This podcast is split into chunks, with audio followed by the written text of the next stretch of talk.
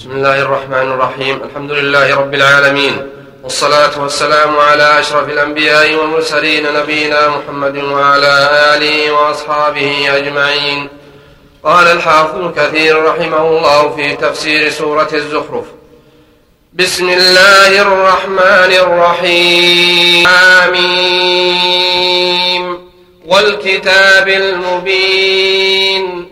إنا جعلناه قرآنا عربيا لعلكم تعقلون وإنه في أم الكتاب لدينا لعلي حكيم أفنضرب عنكم الذكر صفحا أن كنتم قوما مسرفين وكم أرسلنا من نبي في الأولين وما يأتيهم من نبي إلا كانوا به يستهزئون. فأهلكنا أشد منهم بطشا ومضى مثل الأولين. يقول تعالى حاميم والكتاب المبين أي البين الواضح الجلي المعاني والألفاظ لأنه نزل بلغة العرب التي هي أفصح اللغات للتخاطب بين الناس. ولهذا قال تعالى إنا جعلناه أي أنزلناه قرآنا عربيا أي بلغة العرب فصيحا واضحا. لعلكم تعقلون أي تفهمونه وتتدبرونه كما قال عز وجل بلسان عربي مبين. وقوله تعالى وإنه في أم الكتاب لدينا لعلي حكيم.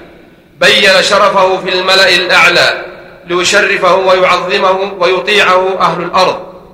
فقال تعالى وإنه أي القرآن في أم الكتاب أي اللوح المحفوظ. قاله ابن عباس رضي الله عنهما ومجاهد لدينا أي عندنا. قاله قتادة وغيره. لعلي أي ذو مكانة عظيمة وشرف وفضل. قاله قتادة. حكيم أي محكم بريء من اللبس والزيغ وهذا كله تنبيه على شرفه وفضله. نعم. كما قال تبارك. الله يجعلنا وإياكم من أهله. جعله من كتاب نسأل الله أن يمنع يمنحنا وإياكم. تدبره وتعقله والعمل بما فيه. الله نعم كما قال تبارك وتعالى إنه لقرآن كريم في كتاب مكنون لا يمسه إلا المطهرون تنزيل من رب العالمين. وقال تعالى كلا إنها تذكرة فمن شاء ذكره في صحف مكرمة مرفوعة مطهرة بأيدي سفرة كرام بررة. ولهذا استنبط العلماء رضي الله عنهم من هاتين الآيتين أن المحدث لا يمس المصحف كما ورد به الحديث إن صح لأن الملائكة يعظمون المصاحف, المصاحف المشتملة على القرآن في الملأ الأعلى فأهل الأرض بذلك أولى وأحرى لأنه نزل عليهم وخطابه إليهم فهم أحق أن يقابلوه بالإكرام والتعظيم والانقياد له بالقبول والتسليم لقوله تعالى وإنه في أم الكتاب لدينا لعلي حكيم. وقوله عز وجل أفنضرب عنكم الذكر صفحا أن كنتم قوما مسرفين. اختلف المفسرون في معناها فقيل معناها أتحسبون أن نصفح عنكم فلا نعذبكم؟ ولا تفعلوا ما, ما أمرتم به؟ قاله ابن عباس رضي الله عنهما وأبو صالح ومجاهد والسدي واختاره ابن جرير. وقال قتادة في قوله تعالى أفنضرب عنكم الذكر صفحا والله لو أن هذا القرآن رفع حين ردته أوائل هذه الأمة لهلكوا حين حين نعم. والله لو أن هذا القرآن رفع حين ردته أوائل هذه الأمة لهلكوا نعم. ولكن الله تعالى عاد بعائدته ورحمته فكرره عليهم ودعاهم إليه عشرين سنة أو ما شاء الله من ذلك. وقول قتادة لطيف المعنى جدا. وحاصله أنه يقول في معناه أنه تعالى من لطفه ورحمته بخلقه لا يترك دعاءهم إلى الخير وإلى الذكر الحكيم وهو القرآن. وإن كانوا مسرفين معرضين عنه بل أمر به ليهتدي به من قدر هدايته وتقوم الحجة على من كتب شقاوته. ثم قال جل وعلا مسليا لنبيه صلى الله عليه وسلم في تكذيب من كذبه من قومه وآمرا له بالصبر عليهم. وكم أرسلنا من نبي في الأولين أي في شيع الأولين من نبي إلا كانوا به يستهزئون أي يكذبونه ويسخرون به. وقوله تبارك وتعالى فأهلكنا أشد منهم بطشا. أي فأهلكنا المكذبين بالرسل. وقد كانوا أشد بطشا من هؤلاء المكذبين لك يا محمد. كقوله عز وجل أفلم يسيروا في الأرض, في الأرض فينظروا كيف كان عاقبة الذين من قبلهم؟ كانوا أكثر منهم وأشد قوة. والآيات في ذلك كثيرة جدا. وقوله جل جلاله ومضى مثل الأولين. قال مجاهد سنتهم وقال قتادة عقوبتهم وقال غيرهما عبرتهم أي جعلناهم عبرة لمن بعدهم من المكذبين أن يصيبهم ما أصابهم. كقوله تعالى في آخر هذه السورة فجعلناهم سلفا ومثلا للآخرين.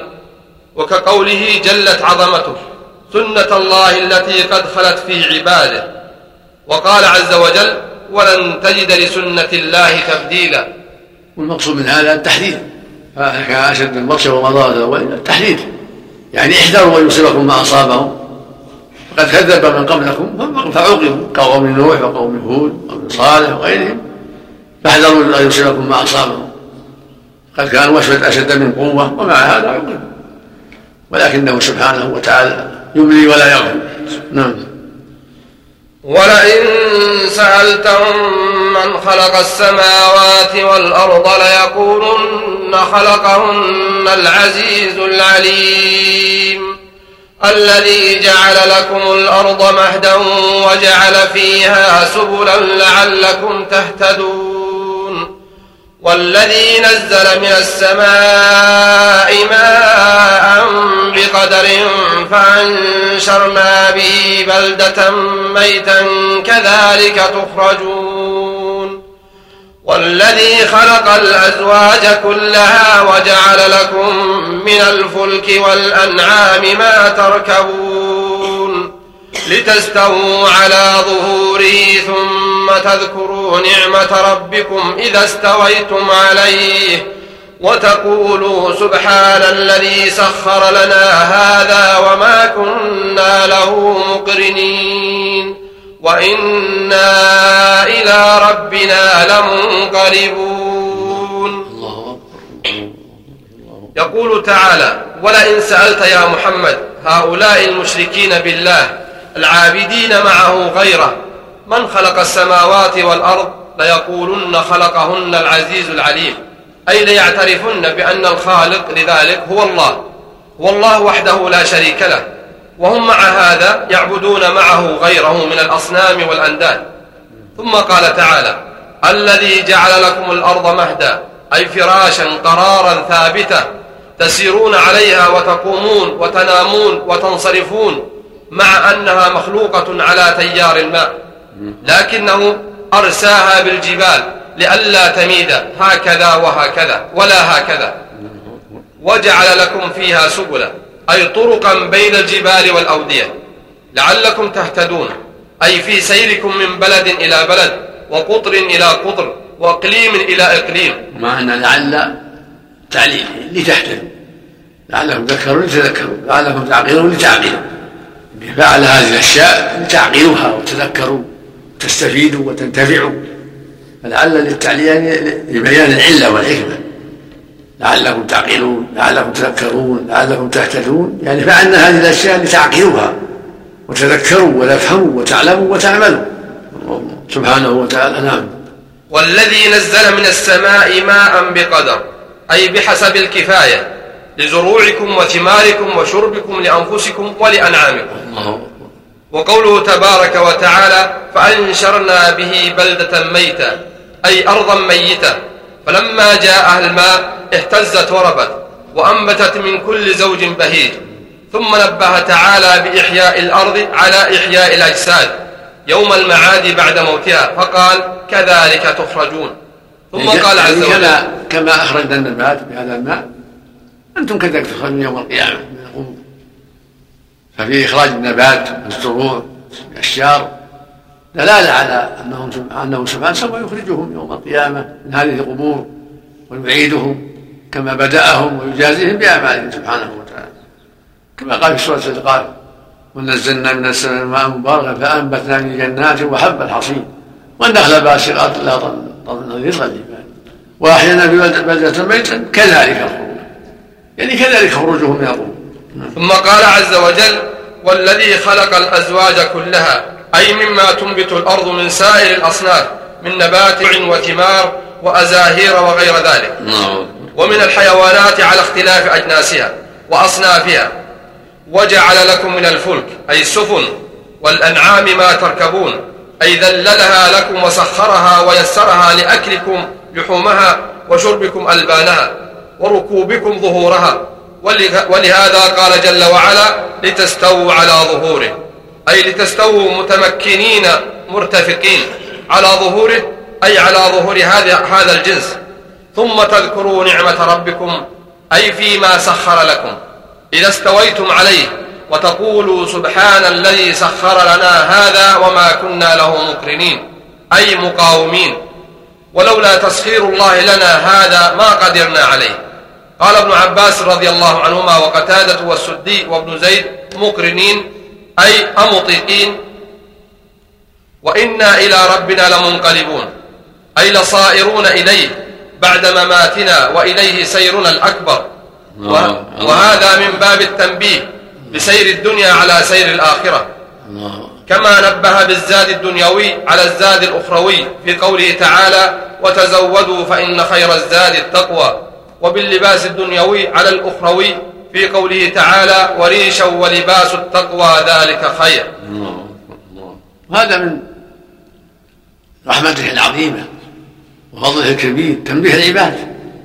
كما أنبت لهم النباتات وأعطاهم الأرزاق يخرجهم يوم القيامة سبحانه وتعالى. وكما أعطاهم الزاد في الدنيا من أنواع النعم يذكرهم بزاد التقوى حتى يعدوا عدة للآخرة. كما أعطاهم اللباس في هذه الدار لست العورات يذكرهم بلباس التقوى الذي به نجاتهم يوم القيامة وسعادتهم يوم القيامة. يا بني آدم قد نزلنا لباسه ولي سوآتهم وريشا ثم قال بعده ولباس التقوى ذلك خير الأعمال الصالحة لباس والأعمال السيئة لباس لكن لباس التقوى خير لأهلها وأصلح لأهلها.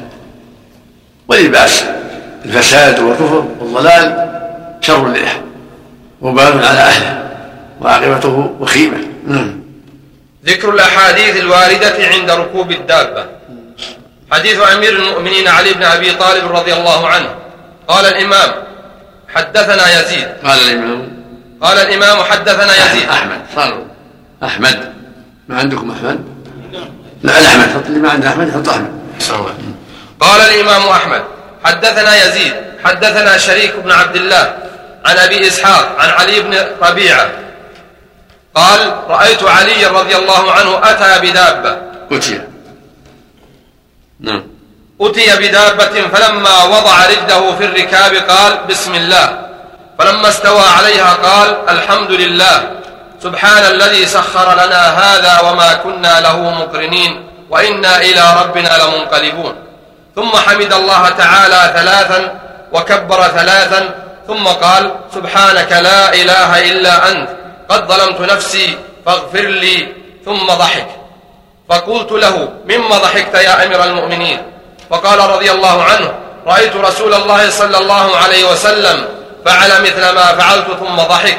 فقلت مما ضحكت يا رسول الله؟ فقال صلى الله عليه وسلم يعجب الرب تبارك وتعالى من عبده إذا قال رب اغفر لي. ويقول علم عبدي أنه لا يغفر الذنوب غيري. وهكذا رواه أبو داود والترمذي والنسائي من حديث أبي الأحوص. زاد النسائي ومنصور عن أبي إسحاق السبيعي عن علي بن ربيعة الأسدي الوالبي به. وقال الترمذي حسن صحيح. وقد قال عبد الرحمن بن مهدي عن شعبة قلت لأبي إسحاق السبيعي ممن سمعت هذا الحديث؟ قال من يونس بن خباب فلقيت يونس بن خباب فقلت ممن سمعته؟ فقال من رجل سمعه من علي بن ربيعة. ورواه بعضهم عن يونس بن خباب عن شقيق بن عقبة الأسدي عن علي بن ربيعة الوالبي به. حديث عبد الله بن عباس رضي الله عنهما. قال الإمام أحمد حدثنا أبو المغيرة حدثنا أبو بكر بن عبد الله عن علي بن أبي طلحة عن عبد الله بن عباس رضي الله عنهما قال إن رسول الله صلى الله عليه وسلم أردفه على دابته فلما استوى عليها كبر رسول الله صلى الله عليه وسلم ثلاثة وحمد ثلاثة وسبح ثلاثة وهلل الله واحدة ثم استلقى عليها وضحك ثم أقبل عليه فقال ما من امرئ مسلم يركب دابته فيصنع كما صنعت إلا أقبل الله عز وجل عليه فضحك إليه كما ضحكت كما ضحكت إليك. تفرد به أحمد. لكن سنده ضعيف بن عبد الله بن مريم ضعيف نعم. الرواية اللي قبلها صح نعم. حديث عبد نعم. حديث عبد الله بن عمر رضي الله عنهما. هو أصح. هذا الآتي هو أصح. نعم. قال الإمام أحمد حدثنا أبو كامل حدثنا حماد بن سلمة عن أبي الزبير عن علي بن عبد الله البارقي عن عبد الله بن عمر رضي الله عنهما قال إن النبي صلى الله عليه وسلم كان إذا ركب راحلته كبر ثلاثة ثم قال سبحان الذي سخر لنا هذا وما كنا له مقرنين وإنا إلى ربنا لمنقلبون. ثم يقول اللهم إني أسألك في سفري هذا البر والتقوى ومن العمل ما ترضى اللهم هون علينا السفر واطوي لنا البعد. اللهم أنت الصاحب في السفر والخليفة في الأهل. اللهم اصحبنا في سفرنا واخلفنا في أهلنا. وكان صلى الله عليه وسلم إذا رجع إلى أهله قال آيبون تائبون إن شاء الله عابدون. لربنا حامدون. وهكذا رواه مسلم وأبو داود والنسائي من حديث ابن جريج والترمذي من حديث حماد بن سلمة كلاهما عن أبي الزبير به. حديث آخر. قال الإمام أحمد حدثنا محمد بن عبيد حدثنا محمد بن إسحاق عن محمد بن إبراهيم عن عمرو بن الحكم بن ثوبان عن أبي لأس الخزاعي. قال حملنا رسول الله صلى الله عليه وسلم على إبل من إبل الصدقة إلى الحج. فقلنا يا رسول الله ما نرى أن تحملنا هذه؟ وقال صلى الله عليه وسلم ما من بعير إلا في ذروته شيطان. فاذكروا اسم الله عليها إذا ركبتموها كما آمركم ثم امتهنوها لأنفسكم فإنما يحمل الله عز وجل. أبو لاس اسمه محمد بن الأسود بن خلف. حديث آخر. قال الإمام أحمد حدثنا محمد بن عبيد حدثنا محمد بن إسحاق عن محمد بن إبراهيم عن عمرو بن الحكم بن ثوبان عن أبي لاس. الخزاعي عمرو. عمرو بن الحكم بواو نعم. وأنتم عندكم اي واو حدثنا إيش حدثنا؟ قال الإمام أحمد حدثنا محمد بن عبيد حدثنا محمد بن إسحاق عن محمد بن إبراهيم عن عمرو بن الحكم بن ثوبان عن أبي لاس بعضكم عنده عمر؟ ها؟ كلها عمرو. عندكم عمرو؟ زين. نعم. نعم. حديث آخر في معناه. قال أحمد حدثنا عتاب. أخبرنا عبد الله حاء وعلي بن إسحاق. أخبرنا عبد الله يعني ابن المبارك. أخبرنا أسامة بن زيد. أسامة بن زيد. أخبرني محمد بن حمزة أنه سمع أباه يقول سمعت رسول الله صلى الله عليه وسلم يقول على ظهر كل بعير شيطان فإذا ركبتموها فسموا الله عز وجل ثم لا تقصروا عن حاجتكم. ثم ثم لا تقصروا عن حاجتكم. تقصروا. لا تقصروا. أو لا تقصروا إيه. عن حاجتكم. حاجاتكم. حدثنا حدثنا. قال أحمد حدثنا عتاب. أخبرنا عبد الله حاء وعلي بن إسحاق. أخبرنا عبد الله يعني ابن المبارك. أخبرنا أسامة بن زيد. أخبرني محمد بن حمزة. أنه سمع أباه يقول سمعت رسول الله صلى الله عليه وسلم يقول على ظهر كل بعير شيطان فإذا ركب ركبتموها فسموا الله عز وجل ثم لا تقصروا عن حاجاتكم. شوف كلام محمد بن حمزة هذا. بالنسبة لعمر بن الحكم بن ثوبان ما تقي فيه عمر بن الحكم الحكم بن ثوبان البدني عمر بن الحكم. ما موجود. يعني التقريب عمر بن واو. اقرأ. عمر بن الحكم ثوبان المدني صدوق من الثالثة مات مات سنة سبع عشرة وله ثمانون سنة البخاري تعليق ومسلم وأبو داوود والنسائي ما عندك عمر بن حكيم عم عمرو واو. عمر ما فيه شيء وأنتم كلكم عندكم عمرو نعم ها؟ نعم عمرو بن عبد الحكيم. اقرأ. عمرو بن أبي حكيم الواسطي حكيم. اي ابن الكردي يقال مولى لآل الزبير.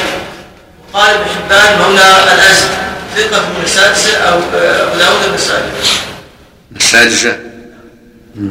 من من رواه أحمد؟ نعم. قال الإمام أحمد حدثنا محمد بن عبيد. حدثنا محمد بن إسحاق عن محمد بن إبراهيم عن عمرو بن الحكم بن ثوبان عن أبي لاسع راجع راجع المسند قد يكون الخطأ من النسخ قد يكون خطأ من التقريب. راجع عمر وعمر كله نعم. قريبا شيخ محمد بن حمزة حط عليه نسخة حط عليه في التقريب عمر. بل في التقريب عمر. بدون واو. بل يحرر. نعم. السفر المعروف. عنه كان في السفر عليه وسلم المعروف إنه في السفر هذا المعروف. محمد بن حمزة. جته محمد. بن حمزة. إيه. بن عمرو الأسلمي المدني مقبول من الثالثة البخاري تعليق ومسلم وأبو داود. الثالثة. والنسائي نعم آخر محمد بن حمزة بن يوسف. عبد الله بن سعود من السادسة منهم زاد بن حمزة ويوسف محمد بن ماجه. نعم. العالمين. صلى الله وسلم وبارك على خاتم النبيين وعلى آله وصحبه أجمعين. نعم. سنة سنة. سنة للسعادة. والبسملة كلها سنة. فإذا قرأت فاستعذ بالله من الشيطان الأمر للندب هذا معروف عند أهل العلم. ينبغي المؤمن أن لا ذلك لأن أصل الأصل في الأوامر الوجوب. ينبغي للمؤمن أن يحتاط ويجتهد أو يحرص أن لا يفرط. فإذا أراد القراءة يستعوذ بالله من الشيطان ثم يسمي كان من أول السورة العام غير سفر دعاء طيب ما في شيء لكن مسكونها يقال سنة مو سنه محل بحث. هل يسن مطلقا أو يسن عند السفر هذا محل بحث. أما هو؟ إذا قال الإنسان في أي وقت كله طيب. كنت تكبير وتحميل. نعم. عن أبي لاس الخزاعي يرجع التهذيب عن تهذيب التهذيب والتهذيب. نعم. يعني الواو قد تسقط. نعم. شيخ ذهاب العين أو الزاحمية وكل زاد بغاية السفر حسب الأحوال إذا عد سفر يقول إذا عد سفر سفر 8 كيلو تقريبا. نعم. وجعلوا له من عباده جزءا إن الإنسان لكفور مبين. أم اتخذ مما يخلق بنات وأصفاكم بالبنين؟ وإذا بشر أحدهم بما ضرب للرحمن مثلا ظل وجهه مسودا وهو كظيم. أومن ينشأ في الحلية وهو في الخصام غير مبين. وجعلوا الملائكة الذين هم عباد الرحمن إناثا أشهدوا خلقهم ستكتب شهادتهم ويسألون. وقالوا لو شاء الرحمن ما عبدناهم ما لهم بذلك من علم إن هم إلا يخرصون. يخبرا عن المشركين في وكذبوه في جعلهم بعض الأنعام إتهم وبعضها لله. كما ذكر الله عز وجل عنهم في سورة الأنعام في قوله تبارك وتعالى وجعلوا لله مما ذرأ من الحرث والأنعام نصيبا فقالوا هذا لله بزعمهم وهذا لشركائنا فما كان لشركائهم فلا يصل إلى الله وما كان لله فهو يصل إلى شركائهم ساء ما يحكمون وكذلك جعلوا له من من قسمي البنات والبنين أخسهما وأردأهما وهو البنات. كما قال تعالى ألكم الذكر وله الأنثى؟ ألكم الذكر ولهم الأنثى؟ نعم. تلك إذا قسمة نعم. ألكم الذكر وله الأنثى؟ تعبير المؤلف هنا بكلمة أخسهما. لو قال مغفور لهما كان أنسب في العبارة. رحمه الله. نعم. تلك إذا قسمة ضيزى. وقال جل وعلا ها هنا وجعلوا له من عباده جزءا إن الإنسان لكفور مبين. ثم قال جل وعلا أم اتخذ مما يخلق بنات وأصفاكم بالبنين؟ وهذا إنكار عليهم غاية الإنكار. ثم ذكر تمام الإنكار فقال جلت عظمته وإذا بشر أحدهم بما ضرب للرحمن مثلا ظل وجهه مسودا وهو كظيم. أي إذا بشر أحد هؤلاء بما جعله بما جعلوه لله من البنات يأنف من ذلك غاية الأنفة وتعلوه كآبة من سوء ما بشر به ويتوارى من القوم من خجله من ذلك. هذا من جهلهم جهل الجاهلية. كانوا يكرهون أن يبشروا بالبنات يتغير وجهه بذلك وهذا من جهلهم كم لله من بنت أصلح من الرجل وأنفع من الرجل وإن كان في الجملة الذكر أفضل وأقوى على العمل ولكن قد يقع في البنات من هو خير من البنين فالواجب الرضا بما قسم الله وعدم الكراهة وعدم التشبه بأعداء الله. وهم بجهلهم وضلالهم زعموا أن الملائكة بنات الله. ما قالوا بنون قالوا بنات. ولهذا ذمهم الله وعابهم على هذا. أصرف البنات على البنين ما لكم كيف تحكمون؟ وجعلوا العباد جعلوا له العباد جزءا. يعني البنات نعم يعني الملائكه نعم لكن للرجل ان يتمنى الولد لا ما لا معنى لكن لا يكره. إذا وسم الأنثى يحمد الله يسال الله جعلها مباركة. لا يتوش لا تسبب بأعداء الله. يقول تبارك وتعالى وإذا بشر أحدهم بالأنثى ظل وجهه مسودا وهو كظيم. يتوارى من القوم من سوء ما بشر به أيمسكها له لم يدسه في التراب. يعني يعيدها يقتلها نعم. ويزعمون أنها يخشى أنها تزري إذا كبرت. يخشى العار وهذا من الجهل الكبير. نسأل الله نعم. يقول تبارك وتعالى فكيف تأنفون أنتم من ذلك وتنسبونه إلى الله عز وجل؟ ثم قال سبحانه وتعالى أو من ينشأ في الحلية وهو في الخصام غير مبين؟ أي المرأة ناقصة يكمل نقصها بلبس الحلي منذ تكون, منذ تكون طفلة وإذا خاصمت فلا عبارة لها بل هي عاجزة عيية. يعني في يعني في الأغلب الرب جل وعلا يعني في الأغلب فلا وجه لاعتراض بعض النساء يوجد فيهن خطيبات جيدات فاضلات بليغات لكن الأغلب عليهن هو ما قاله الله. نعم. نعم. أو من يكون هكذا ينسب إلى جناب الله العظيم؟ فالأنثى ناقصة الظاهر والباطن في الصورة والمعنى. فيكمن نقص ظاهرها وصورتها بلبس الحلي. وما في معناها وما في معناه. ليجبر ما فيها من نقص كما قال بعض شعراء العرب. وما الحلي إلا زينة من نقيصة يتمم من حسن إذا الحسن قصر. وأما إذا كان الجمال موفرا كحسنك لم يحتج إلى أن يزور. اللهم وأما نقص معناها فإنها ضعيفة عاجزة عن الانتصار عند الانتصار لا عبارة لها ولا همة كما قال بعض العرب وقد بشر ببنت. ما هي بنعم الولد؟ بنعمة. ما هي بنعم الولد؟ نصرها بكاء وبرها سرقة. وقوله تبارك وتعالى وجعلوا الملائكة الذين هم عباد الرحمن إناثا أي اعتقدوا فيهم ذلك. كل هذه أوصاف يعني غالبة وإلا قد يقع منهن خلاف ذلك. لكنهن قاصرات في الجملة. نصها بكاء. إذا أصابها شيء أصاب أباها أو أخاها أو غالبها تبكي وتحزن. ليس عندها قوة في النصر بالسلاح والقوة والمغالبة وبرها سرقة قد يكون سرقة من مال الزوج أو من غيره. فأنكر عليهم تعالى قولهم ذلك فقال أشهدوا خلقهم؟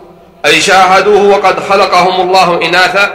ستكتب شهادتهم أي بذلك ويسألون عن ذلك يوم القيامة. وهذا تهديد شديد ووعيد أكيد. وقالوا لو شاء الرحمن ما عبدناهم. أي لو أراد الله لحال بيننا وبين عبادة هذه الأصنام التي هي على صور الملائكة التي هي بنات الله. فإنه عالم بذلك وهو يقررنا عليه. فجمعوا بين أنواع كثيرة من الخطأ. أحدها جعلهم لله تعالى ولدا. تعالى وتقدس وتنزه عن ذلك علوا كبيرا. الثاني دعواهم أنه اصطفى البنات على البنين. فجعلوا الملائكة الذين هم عباد الرحمن إناثا. الثالث عبادتهم لهم مع ذلك كله بلا دليل ولا برهان ولا إذن من الله عز وجل بل بمجرد الآراء والأهواء والتقليد للأسلاف والكبراء والآباء والخبط في الجاهلية الجهلاء. الرابع احتجاجهم بتقديرهم على ذلك قدرا. قدرا. قدرا. وقد جهلوا في هذا الاحتجاج جهلا كبيرا فإنه تعالى قد أنكر ذلك عليهم أشد الإنكار. فإنه منذ بعث الرسل وأنزل الكتب يأمر بعبادته وحده لا شريك له وينهى عن عبادة ما سواه. قال تعالى ولقد بعثنا في كل أمة رسولا أن اعبدوا الله واجتنبوا الطاغوت. والمعنى لا يجوز الاحتجاج بقدر. الله قدر الأشياء مضى بها علمه. وأنت قد أعطاك عقلا وتمييزا. تستطيع أن تميز هذا من هذا وتختار هذا من هذا. كما تفعل في حاجاتك. تختار الطعام الفلاني اللباس الفلاني الناقة الفلانية الزوجة الفلانية السفر الفلاني. تختار ما تشاء. تقدم هذا وتؤخر هذا. فأنت عندك تصرف عندك عقل تمييز وإرادة.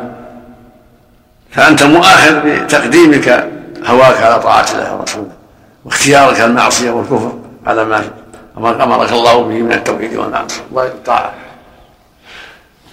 فالاحتجاج بالقدر أمر باطل وظلم وعدوان يحتج به على معاصيه وهو في مسائله الأخرى يختار ما يشاء. نعم. اللهم قال تعالى ولقد بعثنا في كل أمة رسولا أن اعبدوا الله واجتنبوا الطاغوت فمنهم من هدى الله ومنهم من حقت عليه الضلالة. فسيروا في الأرض فانظروا كيف كان عاقبة المكذبين. وقال عز وجل واسأل من أرسلنا من قبلك من رسلنا أجعلنا من دون الرحمن آلهة يعبدون. وقال جل وعلا في هذه الآية بعد أن ذكر حجتهم هذه ما لهم بذلك من علم أي بصحة ما قالوه واحتجوا به إن هم إلا يخرصون أي يكذبون ويتقولون. وقال مجاهد في قوله تعالى ما لهم بذلك من علم إن هم إلا يخرصون يعني ما يعلمون قدرة الله تبارك وتعالى على ذلك. أم آتيناهم كتابا من قبله فهم به مستمسكون. بل قالوا إنا وجدنا آباءنا على أمة على آثارهم مهتدون. وكذلك ما أرسلنا من قبلك في قرية من نذير إلا قال مترفوها إلا قال مترفوها إنا وجدنا آباءنا على أمة وإنا على آثارهم مقتدون. قال أولو جئتكم بأهدى مما وجدتم عليه آباءكم. قالوا إنا بما أرسلتم به كافرون. فانتقمنا منهم فانظر كيف كان عاقبة المكذبين. نعم. يقول تعالى منكرا على المشركين في عبادتهم غير الله بلا برهان ولا دليل ولا حجة. أم آتيناهم كتابا من قبله أي من قبل شركهم فهم به مستمسكون أي فيما هم فيه أي ليس ليس الأمر كذلك. كقوله عز وجل أم أنزلنا عليهم سلطانا فهو يتكلم بما كانوا به يشركون أي لم يكن ذلك. ثم قال تعالى بل قالوا وجدنا آباءنا على أمة.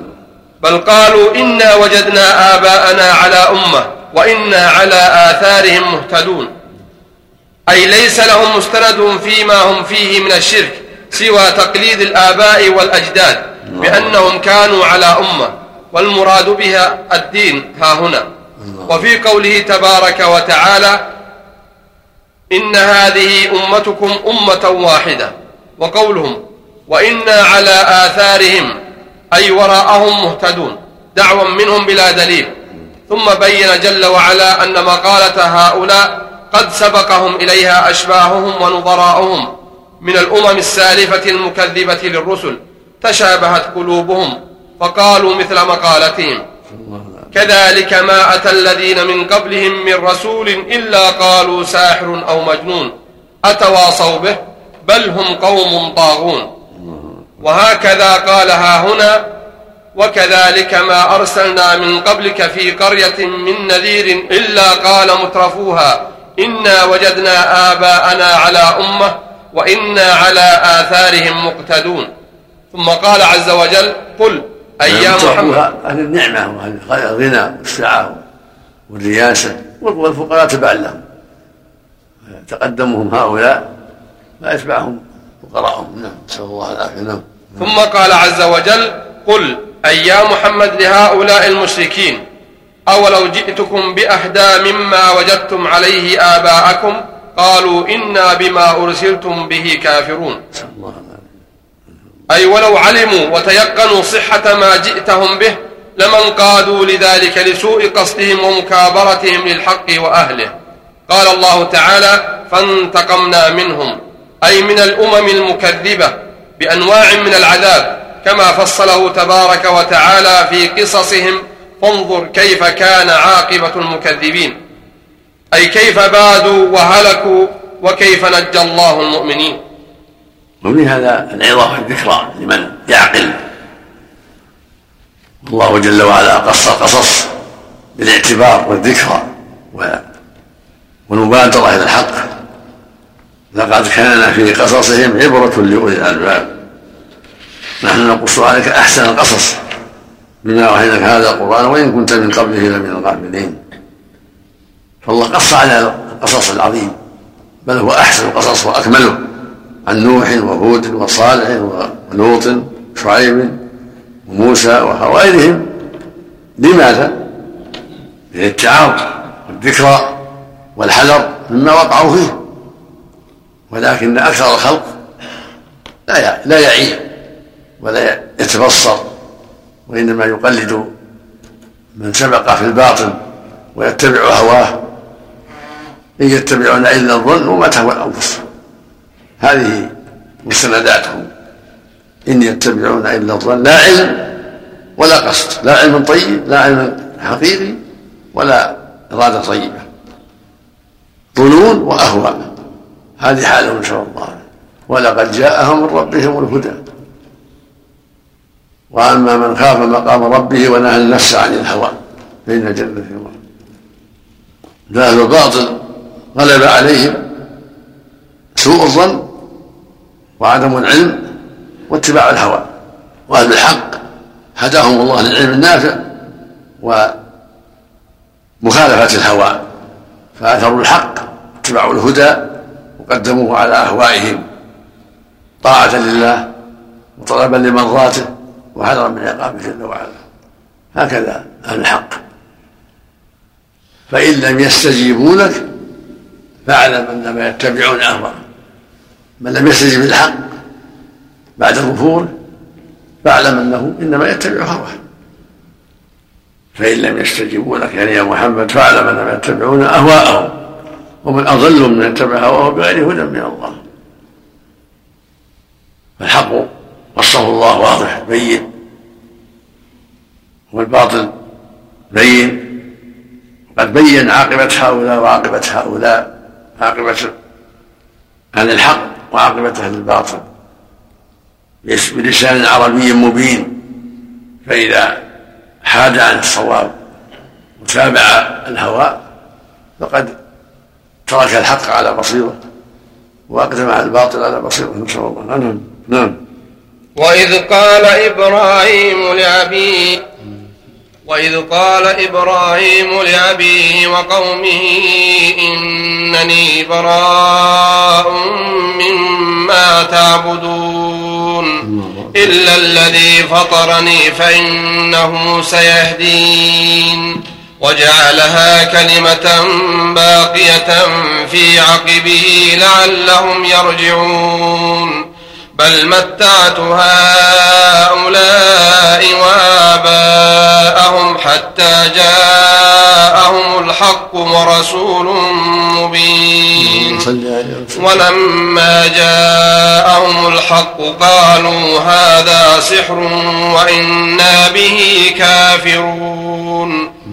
وقالوا لولا نزل هذا القرآن على رجل من القريتين عظيم. أهم يقسمون رحمة ربك؟ نحن قسمنا بينهم معيشتهم في الحياة الدنيا ورفعنا بعضهم فوق بعض درجات. ورفعنا بعضهم فوق بعض درجات ليتخذ بعضهم بعضا سخريا. ورحمة ربك خير مما يجمعون. ولولا أن يكون الناس أمة واحدة لجعلنا لمن يكفر بالرحمن لبيوتهم سقفا من فضة. سقفا من فضة ومعارج عليها يظهرون ولبيوتهم أبوابا وسررا عليها يتكئون وزخرفا وإن كل ذلك لما متاع الحياة الدنيا والآخرة عند ربك للمتقين يقول تعالى مخبرا عن عبده ورسوله وخليله إمام الحنفاء ووالد من بعث بعد بعده من الأنبياء. الذي تنتسب إليه قريش في نسبها ومذهبها. أنه تبرأ من أبيه وقومه في عبادتهم الأوثان. فقال إنني براء مما تعبدون. إلا الذي فطرني فإنه سيهدين. وجعلها كلمة باقية في عقبه. أي هذه الكلمة وهي عبادة الله وحده لا شريك له وخلع ما سواه من الأوثان وهي لا إله إلا الله أي جعلها دائمة في ذريته يقتدي به فيها من هداه الله تعالى من ذرية إبراهيم عليه الصلاة والسلام. لعلهم يرجعون أي إليها. قال عكرمة ومجاهد والضحاك وقتادة والسدي وغيرهم في قوله عز وجل وجعلها كلمة باقية في عقبه يعني لا إله إلا الله. لا يزال في ذريته من يقولها. وروي نحوه عن ابن عباس رضي الله عنهما. وقال ابن زيد كلمة الإسلام وهي وهو يرجع إلى ما قاله الجماعة. ثم قال جل وعلا بل متعت هؤلاء يعني المشركين. وآباءهم. كان المعنى أنه أوصاهم بها فهم يتواصون بها.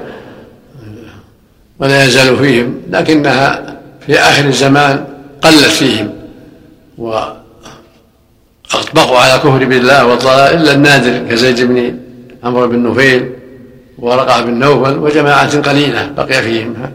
هذا الشيء. نعم الله المستعان. نعم. ثم قال جل وعلا بل متعت هؤلاء يعني المشركين وآباءهم أي فتطاول عليهم العمر في ضلالهم. حتى جاءهم الحق ورسول مبين. أي بين الرسالة بين الرسالة. بينوا أي؟ أي بينوا الرسالة. يبين إيش بعده بينوا.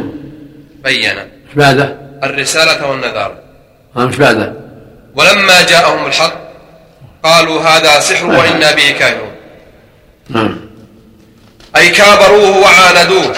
ودفعوا ودفعوا بالصدور والراح كفرا وحسدا وبغيا. وقالوا أي كالمعترضين على الذي أنزله تعالى وتقدس لولا نزل هذا القرآن على رجل من القريتين عظيم. أي, أي هلا كان إنزال هذا القرآن على رجل عظيم كبير في أعينهم من القريتين؟ يعنون مكة والطائف.